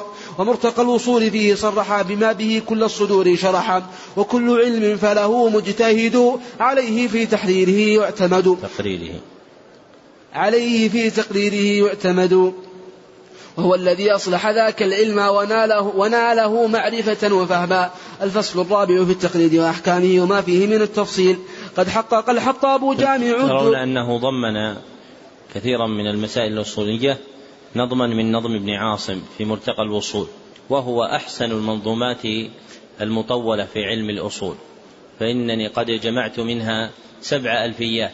فلا أجد شيئا مثله لأنه رحمه الله تعالى كان نابغا محققا في الأصول وهو تلميذ الشاطبي كما أنه رحمه الله تعالى له منظومة طويلة اسمها مهيع الوصول إلى علم الوصول هي أوسع من المرتقى لكن المرتقى يصلح رتبة ثانية بعد نظم الكنتي للورقات. فإن نظم الكنتي للورقات هو المقدم في المختصر.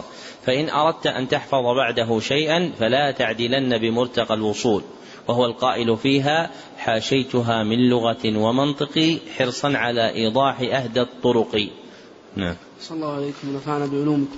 الفصل الرابع في التقليد أن الفصل الرابع في التقليد وأحكامه وما فيه من التفصيل. قد حقق الحطاب جامع الدرر بأول ابتداء شرح المختصر.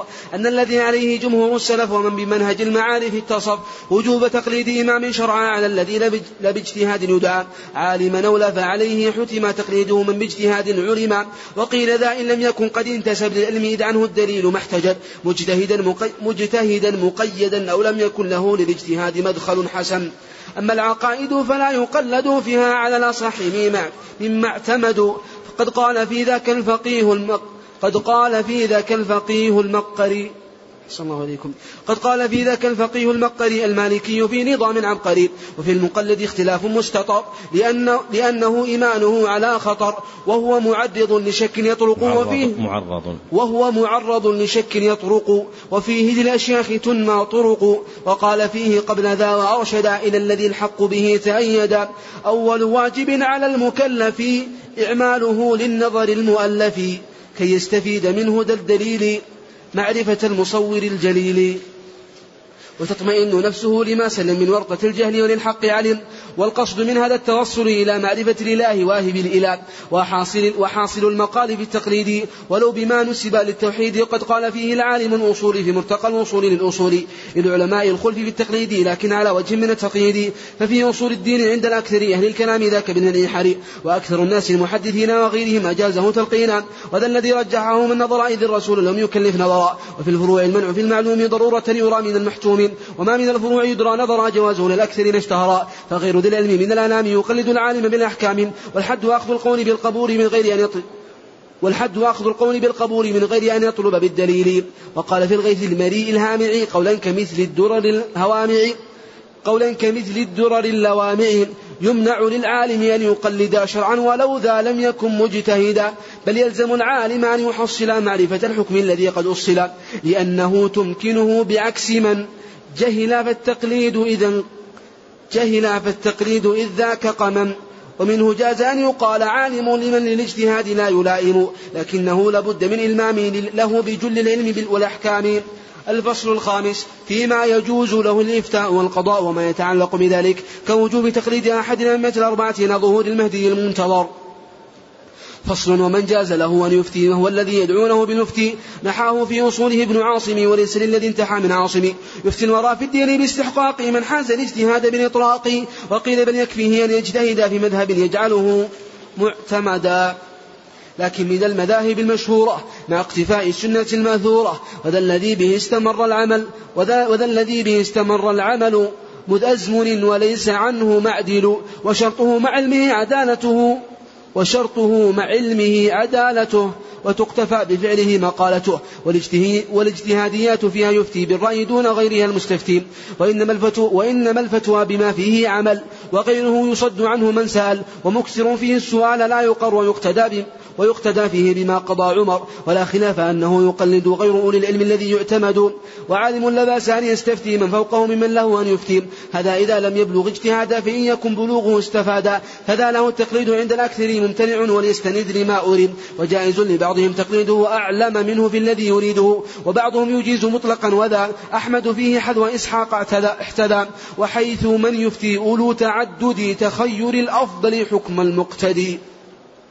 وقيل بل ما اختار فهو كافي ثم إذا أفتوه باختلاف قيل له تقليده من شاء والأخذ بالأحوط عنهم جاء وراجح عليهما أن يجتهد بمذهب لعالم قد اعتمد ومن ومنع استفتاء ذو ومنع استفتاء ذي جهالة في حالة من علم أو عدالة.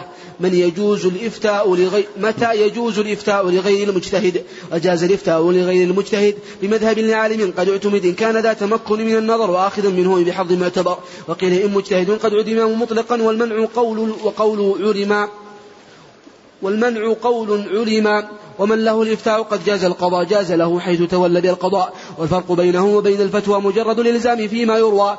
حكم اتباع الأئمة الأربعة. وسيدي عبد الإله الراقي لكل علم قال في المراقي مبينا حكم اتباع الأربعة قولا مفيدا للذي قد تبعه.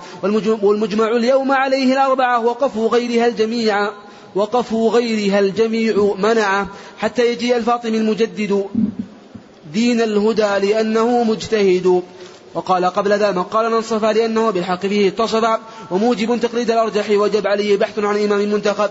إذا سمعت فالإمام مالك صح له الشأو الذي لا يدرك للأثر الصحيح مع حسن النظر في كل فن كالكتاب والأثر. وها هنا قد تم من تحيت وبالذي قصدته أتيت وبعض ما نظما هنا جمعته فمن مدارك عياض سقته.